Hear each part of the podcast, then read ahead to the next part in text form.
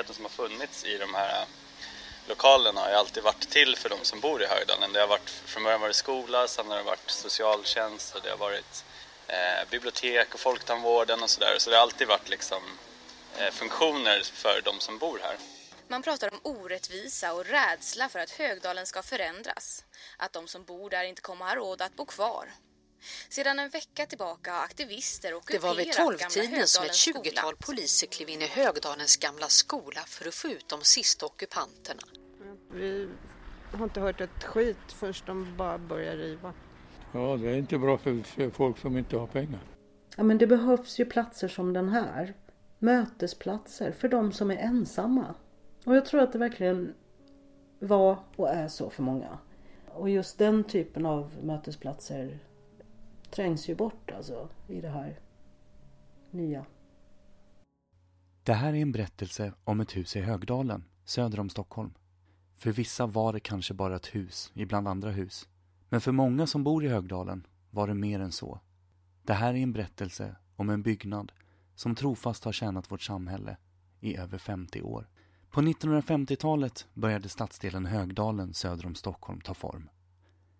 I det moderna välfärdssamhället skulle det vara tryggt och praktiskt att bo.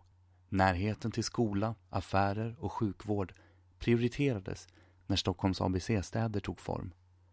ABC står för arbete, bostad och centrum. Hyrorna skulle vara rimliga och lägenheterna funktionella. Högdalen är en fin plats. På försommaren doftar det av både syren och hägg. På torget, i slutet av Högdalsgången där affärerna ligger, tornar vackra Vantör kyrka upp sig. På taket av kyrkan står en stolt, prisbelönt tupp och tittar ut över torget och de människor som rör sig här. Det är en härlig blandning av människor. Allt från pensionärer till barnfamiljer och studenter. Vantör kyrka, som byggdes i slutet av 1950-talet, hjälper till att rama in torget där den mysiga fontänen sprutar vatten om sommaren.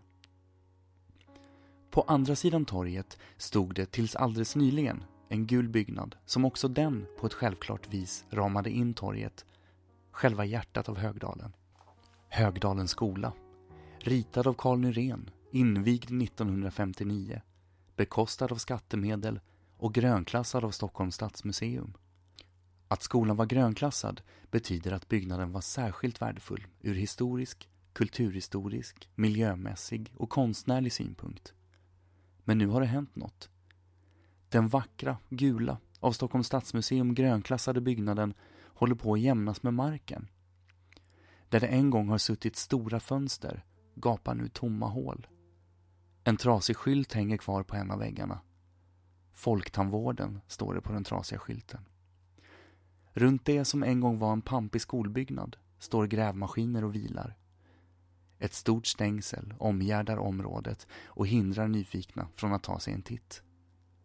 På platsen ska det byggas 350 bostadsrätter. Man kallar det att utveckla Högdalens centrum. Men för många som bor här känns det som ett svek. Ja, det är ju förjävligt alltså. Det är riktigt förjävligt. Jag bor precis bortom där så att jag ser ju varje dag hur de gräver och har sig. Och sen har, mina barn har ju gått i den där skolan. Vi hör Gabrielle. Hon har bott i Högdalen i 45 år. Vad, vad tänker du om att eh, det ska byggas bostadsrätter på platsen? Ja, det är också förjävligt för att det behövs fler hyresrätter. Verkligen. Känner du att, att ni, ni, som bor i Högdalen blev, blev tillfrågade om det här när Stockholms stad sålde? Absolut inte. Vi har inte hört ett skit först de bara börjar riva. Hur känns det? Ja, det är ju förjävligt. Jag vet inte vad man ska säga. Vad skulle man kunna göra med, med byggnaden istället för att riva den? Man kunde göra något kulturhus för både gamla och unga och ligger nära kyrkan här också kan göra en massa aktiviteter.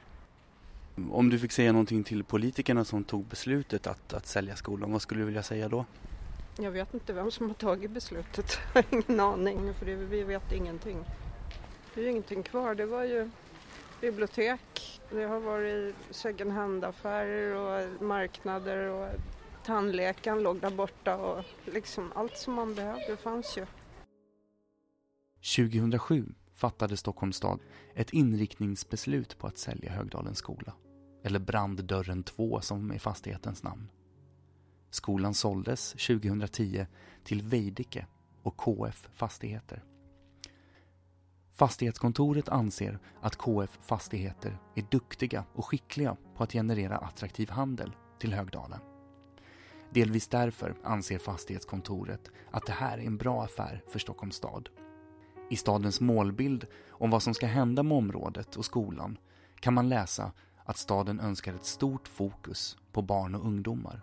Att man vill stärka handeln i Högdalen och att man vill ha mötesplatser och lokaler för service i bottenvåningarna på de nybyggda husen.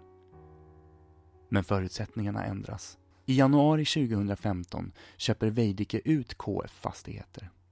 Veidekke är nu ensam ägare och påbörjar nu detaljplanering för totalt 350 bostadsrätter och tre affärslokaler. Vad hände med fokus på barn och ungdomar? Och vad hände med planerna på att stärka handeln, mötesplatser och service? Ja. Du, vill du ha någonting? Vatten, te, kaffe? Vatten blir bra. Ulrika Dahl är Högdalsbo sedan många år. Hon är starkt engagerad i Högdalen. Hon är ledsen och arg. För hon menar att Stockholms stad har sålt ut nästan hela Högdalen. Nu äger inte medborgarna i Högdalen någonting längre, säger hon.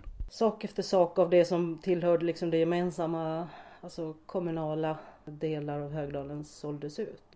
För mig blev det väl tydligt eh, i och med när den, när den nya centrumägaren, när Citycon tog över efter Boltby.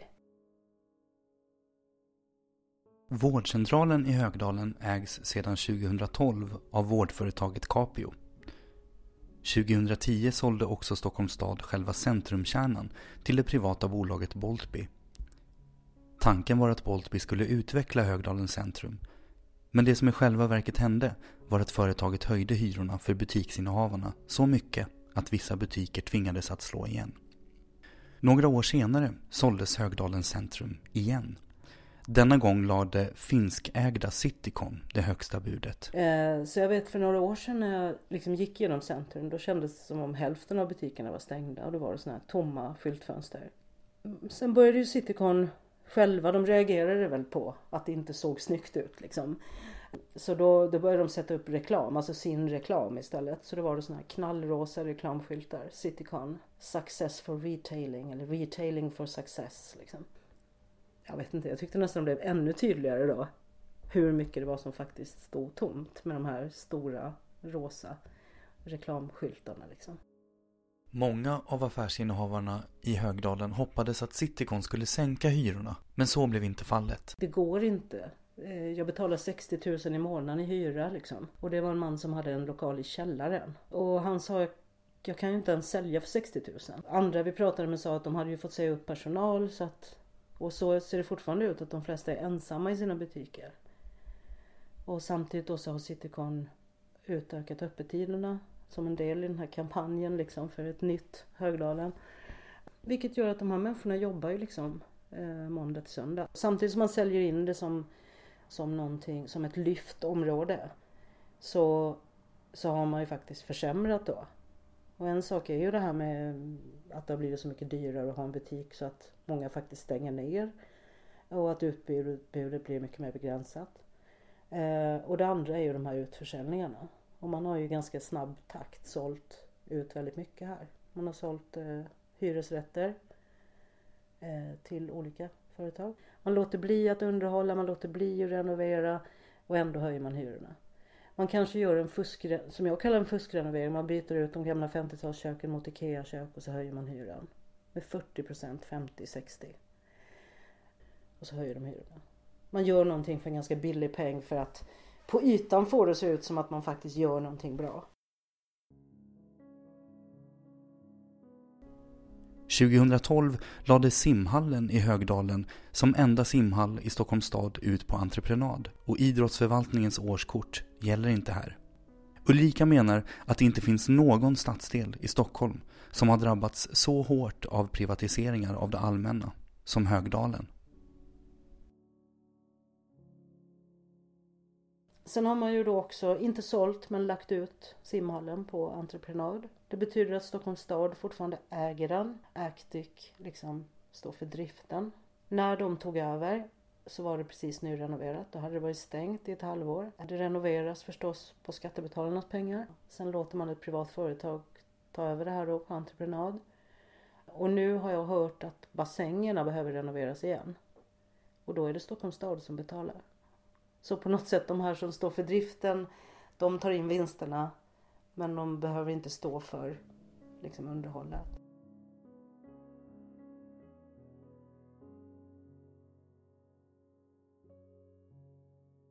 Och den, den sista striden nu då, den senaste, det har ju handlat om försäljningen av Högdalens gamla skola. Jag kan tänka att folk tror att vi som har stridit för det här huset på något sätt Eh, mest är nostalgiska kanske. Hur kan man riva en gammal skola? Hur kan man riva en så här fin byggnad? Det är ju en del av det men det är ju absolut inte det viktigaste. Det viktigaste som jag tänker det är att man faktiskt då säljer ut och bygger bort allmänna utrymmen.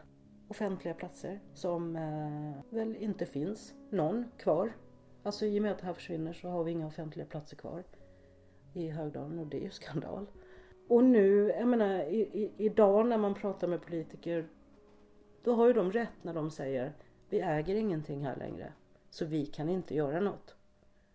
Och samtidigt då så tänker jag att det känns, det känns konstigt att vi faktiskt har försökt, man, man pratar om så här, de demokratiska vägarna. Jag tycker att vi verkligen har gått de demokratiska vägarna eh, i allt vi har gjort. Och alltid börjat med att kontakta de som är ansvariga. Och kontakta både politiker och tjänstemän som har varit med och tagit de här besluten. Har vi inte fått gehör sen så har vi gått via media. Har vi inte fått gehör där så har vi ja, till exempel ockuperat. Då. Eh, men, men, men eh, det känns hemskt att vi har att vi har jobbat ändå så strategiskt på något sätt eh, och tänkt att vi har gått rätt vägar och inte blivit lyssnade på. I maj 2015 har föreningen Högdalens vänner en vårfest på det vackra torget. Ganska snart övergår dock vårfesten till en ockupation av Högdalens skola. Högdalens vänner öppnar nu upp det stängda huset och kallar det nu för Högdalens Folkets hus. Vi hade ju en vårfest som vi kallade för vårfest mot vinsthets i maj. Och där var ju tanken att vi skulle samlas i anslutning till det här huset som, som var sålt då. Men, men också den platsen som finns precis framför det huset då, framför Gamla skolan.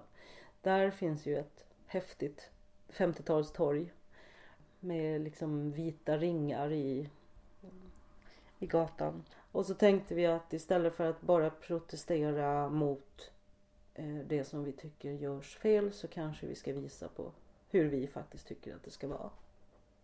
Och då tänkte vi, vi gör en dag, en dag, en festival, en fest för Högdalen i Högdalen där vi visar på hur vi tänker att det här centrumet skulle kunna se ut. Så då hade vi en stor eh, familjefest. Det kom otroligt mycket folk det hände liksom saker där hela dagen. Sen kom ju också, då kom ju andra föreningar. Så då kom eh, Allt åt alla och hade en eh, klädallmänning där man kunde skänka kläder och ta kläder. Alltså vi hade ju på något sätt, man kunde göra allt där. Och det blev ju också en fest som höll på hela dagen. Sen, ja, framåt eftermiddagen någon gång så bestämde vi att vi kunde fortsätta festen inne i huset. Så gjorde vi det. Då hade ju det stått tomt väldigt, väldigt länge. Huset var redan liksom öppet. Alltså någon annan hade varit inne. Ja, nästan alla av de som var med på festen följde ju med in i huset också. Så vi fortsatte där. Eh, sen övergick ju det i en ockupation. Alltså ganska snabbt när vi kom in i de här lokalerna och, och såg också vad som fanns där. Vi kom ju inte in i hela huset. Det var några dörrar som var stängda. Men bara där vi kom in då så så fanns det ju en massa rum. Det fanns fungerande kök. Det fanns fantastisk mosaikkonst. Och den här gigantiska gympasalen eh, kom vi också in i. Så plötsligt såg man ju som potential i det här huset. Jag tror också många av dem, jag har ju själv jobbat, jag jobbade ju i de lokalerna när jag jobbade på stadsdelsförvaltningen. Så jag visste ju lite hur det såg ut. Men eh, de som inte hade varit inne innan, jag tror det var så att de hisnade liksom när man såg ja men både hur vackra lokalerna faktiskt är, hur funktionella de fortfarande är för att man har ju lyckats sprida något rykte om att lokalerna skulle vara i dåligt skick och så. Men det här var ju, det var väl bättre än vad någon hade kunnat tro på något sätt. Dagarna i den gamla skolan går. Många Högdalsbor är nyfikna och kommer dit och hälsar på och tittar hur det ser ut i den gamla skolan. Det anordnas danskurser, matlagningskurser, karatekurser och grillfester. Många är positiva till ockupationen av den gamla skolan. Men strax före midsommar kommer till slut polisen. Då gick polisen in, stormade kan man säga. De hade spärrat av eh, nästan hela Högdalens centrum. Eh, och samtidigt så, vi hade ju sagt också från början att det var en öppen manifestation. Det var ingenting vi gjorde i det fördolda. Vi, vi, vi kallade det från början inte heller för en ockupation. Vi pratade om att gå in i huset. Vi pratade om att fortsätta festen i huset. Men eh, såg ju sen att det är klart, det blir ju en ockupation när man går in i ett hus eh, på det sättet. Men vi hade ju också bestämt att det, att det skulle vara i högsta grad fredligt. Och vi visste väl någonstans också att en dag kommer polisen för att hämta ut oss mm, och då skulle ingen göra något mer. Det var ju öppet hela tiden så att vi själva, folk kunde gå ut och in i huset och vi stod ofta vid tunnelbanan och bjöd in folk till huset. Vi hade möten för Högdalsborna inne i huset. Dörren var ju öppen, den stängdes på natten men hela dagarna stod det öppet där och alla var välkomna att komma in. Och, och det var ju helt fantastiskt för det, det som det som vi började på vårfesten ute på torget, det fortsatte ju sen inne i huset. Så det kom eh, latinamerikanska kvinnoföreningar, eh, barn som lärde varandra att göra armband av makramé och vuxna som hade syverkstad. Och vi hade ju danslärare som kom som erbjöd sig att hålla kurser. Så vi hade ju fantastiska tangokvällar i, i den här gympasalen. Det var diskodans och det var afrikansk dans. Och, men det var häftigt att se för det var också mycket, jag skulle säga så här, ja det här att folk verkligen vill göra saker. Och gör det och tar initiativ och det var inte så att det var folk i huset som anordnade allt utan folk erbjöd sig att komma med det de kunde och sådär. Och det blev ju ofta väldigt, väldigt fint och mycket folk. Eh, så jag tror, alltså när polisen kom, jag var ju inte där när polisen gick in. Men jag vet att det var många som ändå tyckte det var jobbigt för man hade man hade ju också installerat sig där. Folk hade skapat sina liv där och hade sina saker där. Och och det är klart att det blir turbulent när plötsligt ska folk snabbt ut. Och... Men som jag förstår så fick ju folk ändå ta med sig sina saker och det gick lugnt till. Jag tror att de flesta verkligen såg och förstod att det var en helt fredlig manifestation. Och jag tror också under de veckorna att fler och fler förstå varför vi gjorde det. Och framförallt tror jag att de som kom in i huset kanske ännu mer förstod för att det blir så, det blir så tydligt då vad det är som faktiskt går förlorat. Och hur mycket ett sånt hus hade kunnat användas till. Hade man kunnat renovera eller hade man kunnat bygga upp, jag menar om staden inte hade sålt så hade man ju kunnat bygga upp det hade verkligen kunnat bli ett allaktivitetshus. Det hade kunnat bli något av det andra som vi vet saknas. Det, det kanske är så nu att det behövs skolor. Vi vet att det behövs förskolor. Äldreboende har eh, PRO kämpat för i många, många år. Det är januari 2016. Nio månader har gått sedan ockupationen av Högdalens gamla skola. Och rivningen är sedan länge påbörjad. Ja men det är så fruktansvärt. Alltså det är ju... Det är ett skelett. Det är, det är liksom vrakdelar. Det känns liksom hemskt i, i de, den tiden vi lever nu. att jämföra liksom med en krigszon, men det är ju faktiskt en krigszon det ser ut som.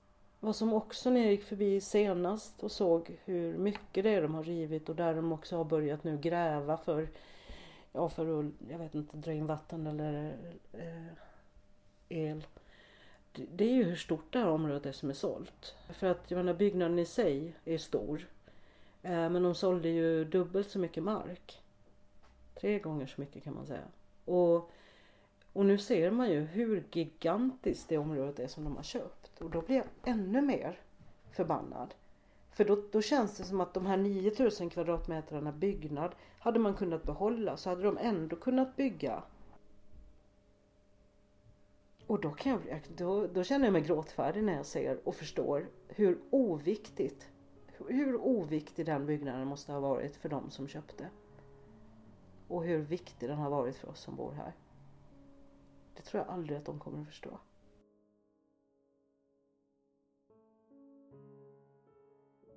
Var det inte att de skulle ha hälften hälften? Nej, det kommer bara bli bostadsrätter. Ja, det är inte bra för, för folk som inte har pengar. Det är klart det är taskigt för de andra. Nej, men då skulle det ha varit hyresrätter tycker jag. Det är schysstare. Inte bostadsrätter, inte för folk som inte kan köpa. Du har lyssnat på Stockholms berättelser. Sista striden om Högdalen. Jag heter Mikael Mårtensson.